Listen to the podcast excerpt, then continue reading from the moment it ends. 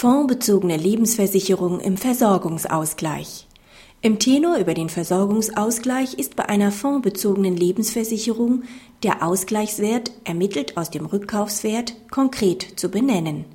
Eine Tenorierung mit einer prozentual vorgegebenen Ausgleichsquote von 50 Prozent kommt nicht in Frage.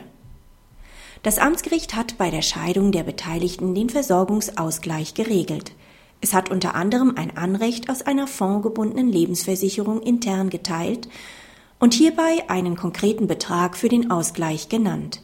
Das Versicherungsunternehmen legt gegen die Entscheidung Beschwerde ein. Es ist der Ansicht, dass eine prozentuale Ausgleichsquote im Tenor enthalten sein solle. Schließlich können sich aufgrund der Fondgebundenheit der Versicherung noch nach Ende der Ehezeit erhebliche Schwankungen ergeben.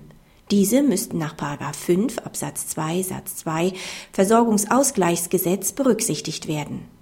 Das Oberlandesgericht berechnet den Versicherungsausgleich nach dem Rückkaufswert neu. Im Tenor bleibt es bei einem konkreten Ausgleichsbetrag. Zu Recht weist die Versicherung zwar auf die Schwankungen nach der Ehezeit hin.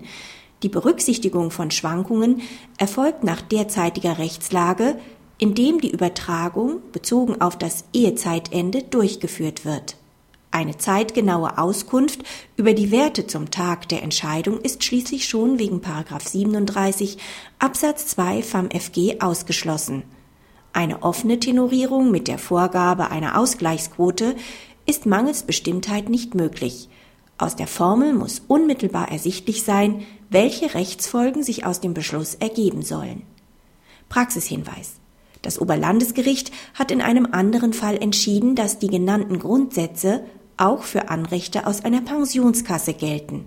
Die Bewertung erfolgt nach 45 Absatz 1 Versorgungsausgleichsgesetz, da ein Anrecht im Sinne des Betriebsrentengesetzes vorliegt.